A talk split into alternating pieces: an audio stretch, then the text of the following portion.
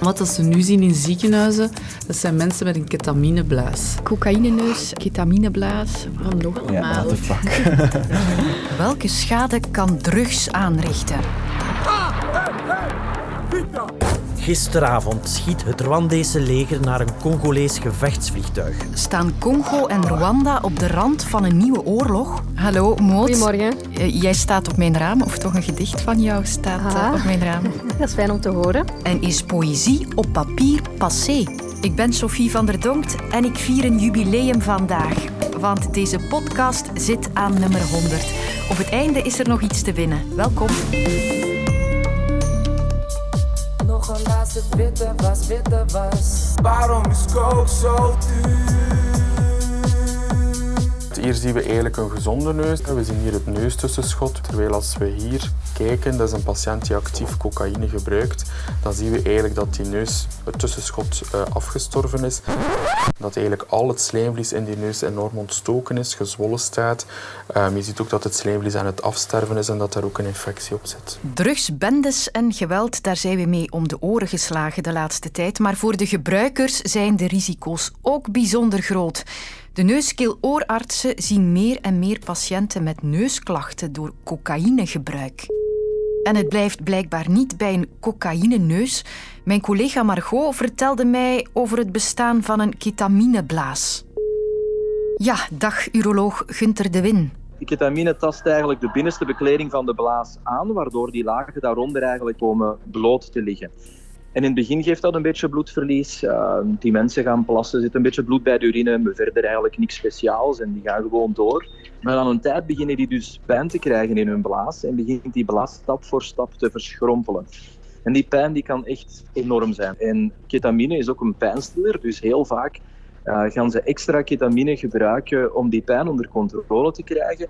En zo kom je natuurlijk in een complete neerwaartse spiraal terecht. En het andere punt is dat ketamine niet alleen in de blaas werkt, maar eigenlijk ook op de urineleider en ook op de binnenbekleding van de nieren. Dus als we echt in een zeer gevorderd stadium zitten, gaan we ook daar een volledige verschrompeling krijgen. En dat is natuurlijk echt uh, een gigantisch probleem. Cocaïneneus, ketamineblaas, wat is me dat allemaal?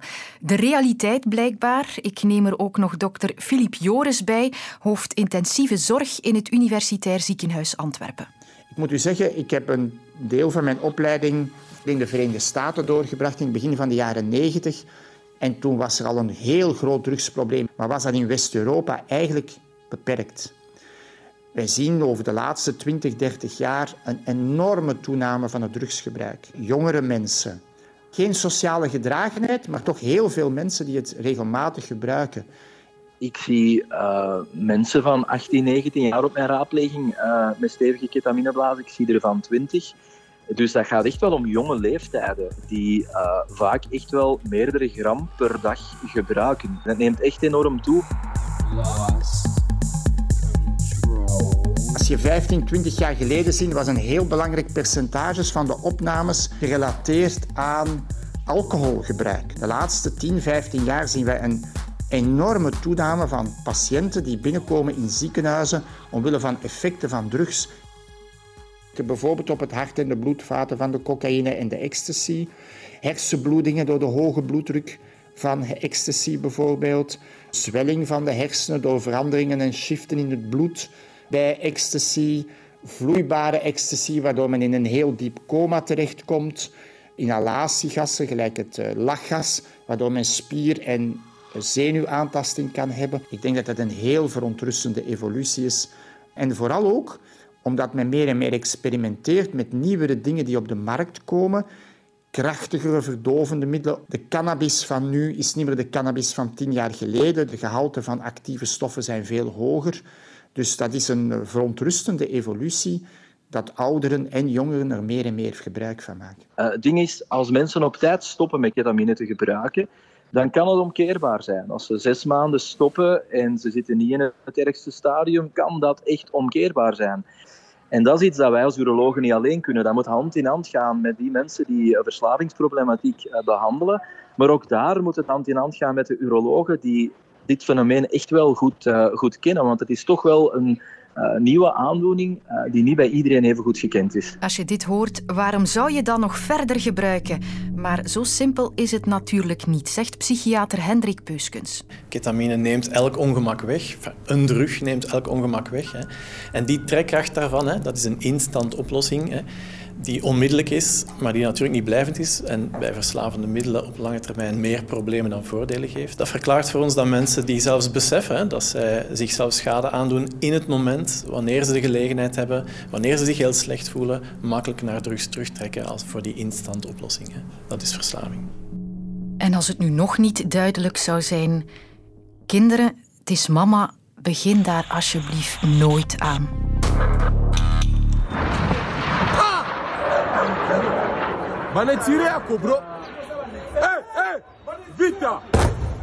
Ik bekijk amateur videobeelden van een Congolese straaljager die bijna uit de lucht geschoten wordt. Een raket mist net zijn doel en ontploft achter het vliegtuig hoog in de lucht. Die straaljager raakt beschadigd, maar kan toch nog landen op de luchthaven van Goma in Oost-Congo, waar de piloot zich in veiligheid kan brengen. Eind goed al goed, of toch niet echt, want de raket werd afgevuurd door het Rwandese leger. Dit incident is dus olie op het vuur in de al woelige regio van Oost-Congo in het conflict tussen Congo en Rwanda. Onze Afrika-experten Stijn Verkruijsen en Katrien van der Schoot vertellen wat daar aan de hand is. In het hele oosten van Congo eh, zijn er gevechten aan de gang en zijn gewapende groeperingen actief. Maar waar we nu toch wel op concentreren. En wat nu, waar het nu toch wel het ergst aan toe gaat, dat is dat gebied M23. Boven Goma, de grootste stad daarvan, uh, Noord-Kivu, die grenst aan uh, Rwanda. Vanmorgen om vier uur zijn er confrontaties geweest. Vanmiddag om twaalf uur zijn er confrontaties geweest. Op verschillende plekken wordt dus echt wel gevochten. Er is wapengekletter. Ik ben een keer of twaalf in dat gebied geweest. Op zich is dat een paradijselijke regio met een vulkanengordel, prachtige meren, maar nu is dat al 25 jaar een ja, va-et-vient van mensen die uit de dorpen vluchten naar de grote steden, naar Beni, naar Goma, naar Bukavu. En dat houdt maar niet op.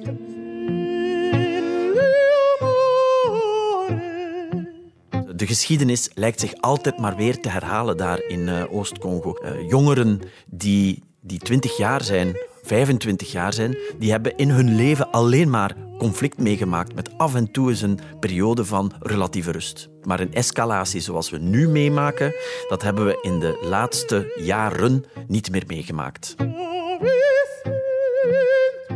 Die hele regio is een mijnenveld en dat komt omdat aan de ene kant verschillende etnische groepen uh, door midden zijn gesneden door grenzen. Het is een streek waar heel veel economische belangen zijn, waar heel veel grondstoffen zijn.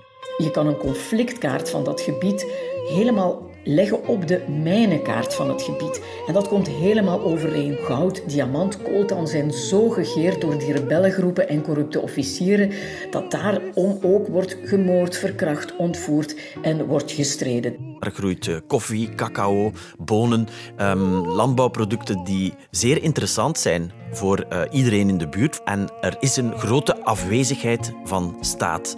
Uh, er is geen veiligheid, er is heel veel chaos. Die hoge officieren in het leger die houden dat conflict maar al te graag gaande, want ja, ze verdienen eraan, ze blijven machtig, dus waarom zouden ze dan stoppen? Gigantische corruptie die ervoor zorgt dat het eigenlijk de, het ideale speelveld is voor uh, landen, mensen met slechte bedoelingen.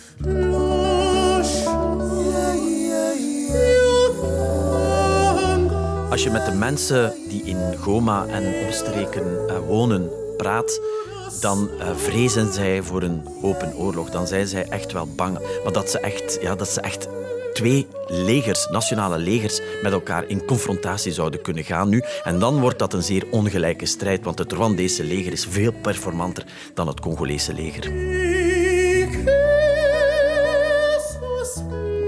Ik twijfel aan een kans op een grote open oorlog. Dat denk ik niet dat Rwanda dat zou wagen, want het land krijgt meer en meer buitenlandse kritiek, ook van vroegere bondgenoten, van de Verenigde Staten bijvoorbeeld, de Europese Unie.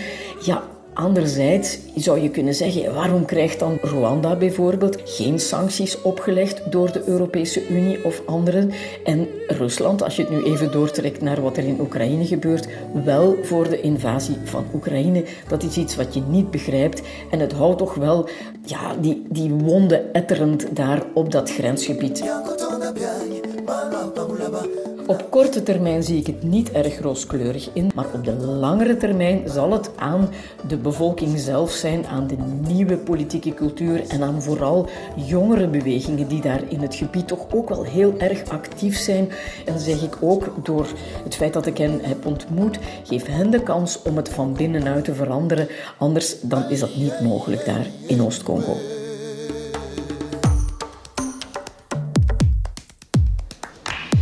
En voor Gedichtendag neem ik je mee naar mijn huis. We staan er vlak voor eigenlijk. En nee, nee, ik ga je niet binnenlaten. Het is gewoon om je te laten meegenieten van het gedicht dat ik op mijn raam heb laten zetten voor Gedichtendag en voor de Poëzieweek. Dat kon in heel veel gemeenten en meer dan 3000 mensen hebben dat gedaan. En dit staat er bij mij op. Passant. Ik vraag je niets of toch Blijf staan, kijk mij aan, al ben ik bedoomd door het kind dat in mij wasemt. Troostsoort, levensnevel, blijf tot je mijn donker ziet. Ga niet te snel aan mij voorbij. Ik beloof je, als je lang genoeg wacht, droomoord, avondnova, zie je jezelf in mij. Onderweg nam de schrijver van mijn raamgedicht het zelf over en dat is Moot van Houwaard. Ik vind het zelf ook wel fijn om af en toe poëzie los te weken van dat blad en op zoek te gaan naar nieuwe vormen, nieuwe context. Dus als zo een gedicht op een raampartij staat, dan gaat het niet alleen over die woorden, maar dat gaat ook over wat er tussen die regels zichtbaar is. Bijvoorbeeld in die, in die woonkamer gaat het ook over die passant die effectief blijft staan en naar binnen kijkt of naar het gedicht kijkt. Jij zoekt zelf ook wel vaak naar manieren om poëzie niet alleen op papier te brengen. Hè? Ik denk uh, dat ik een grote waaier aan manieren heb ontdekt of onderzocht tijdens mijn stadzichterschap. Toen ik eh, in 2018-19 stadzichter was van Antwerpen, toen zijn er gedichten verschenen eh, in de vorm van installaties die zich toonden op ehm, pleinen in de stad of aan gevels van gebouwen. Hallo, ik ben Moot van Houwaard en ik sta hier momenteel in de Carnotstraat, vlakbij het gebouw van Atlas.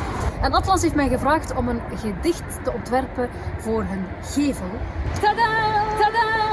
Um, gedichten die zich voordeden als een uh, gezelschapsspel, um, als, een, als een performance. Dus ik heb eigenlijk de definitie van, van poëzie voortdurend proberen op te rekken, tot, tot soms in het extreme, tot op het punt waarop ik dacht van, hmm, kunnen we nu eigenlijk nog wel over poëzie spreken? Um, maar dat helpt mijzelf ook als maker om af en toe ja, grote sprongen te nemen, grote uitwassen, om van daaruit altijd toch terug te keren naar het hart en toch terug te gaan naar het blad papier. Dus soms heb ik uitwegjes nodig, omwegen, om dan elke keer terug te komen naar de eenvoud van het blad papier, waar, wat toch nog altijd het meest magisch is. Hè? Zo kleine zwarte stokjes op, op een wit vel papier, dat blijft een, een, een eh, niet te overtreffen magie die daarin schuilt. Letters zijn niets meer dan wat muizenstrontjes. A, B, K, A,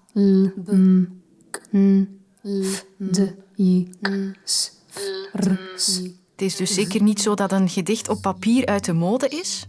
Nee, absoluut niet. Het, uh, het bijt elkaar helemaal niet. Ik hoop dat mensen die zo'n gedicht lezen op, op een raampartij en daaronder ook de auteur zien staan, misschien wel geneigd zijn om iets verder te lopen in een gemeente, eh, meteen door te lopen naar de bibliotheek om een bundel te gaan halen, die ze dan helemaal integraal van kaft tot kaft kunnen gaan lezen. Al die vormen die, die kunnen perfect naast elkaar staan en versterken elkaar alleen maar. En dus voor jou persoonlijk is het ook nog altijd belangrijk dat jouw werk op papier verschijnt? Ik denk dat poëzie zich misschien nog altijd wel het meest vertrouwd voelt op het blad papier. Ik ben dan zelf ook voorstander om, als je dan een boek uitgeeft of voor papier kiest, om dan ook dat met heel veel zorg te doen. En om dan na te denken van ah, welk papiersoort, welk lettertype, welke bladschikkingen gebruik ik hier. En op die manier ook echt weer na te denken over, over die vorm, die drager, dat medium papier. Niets in deze wereld is zwart-wit. Voilà, de honderdste zit erop. Laat mij weten wat je van het kwartier vindt, want ik geef een rondleiding weg op de nieuwsdienst van de VRT. Mail mij, dat hoeft zeker geen poëzie te zijn. Het adres is hetkwartier.vrt.be. Anke van Meer duikt in de wereld van pleegzorg. Ze volgt daarbij vier jaar lang het traject van haar broer en zijn vriend. Ontdek het hele verhaal in de podcast Nest, nu in de app van VRT Max.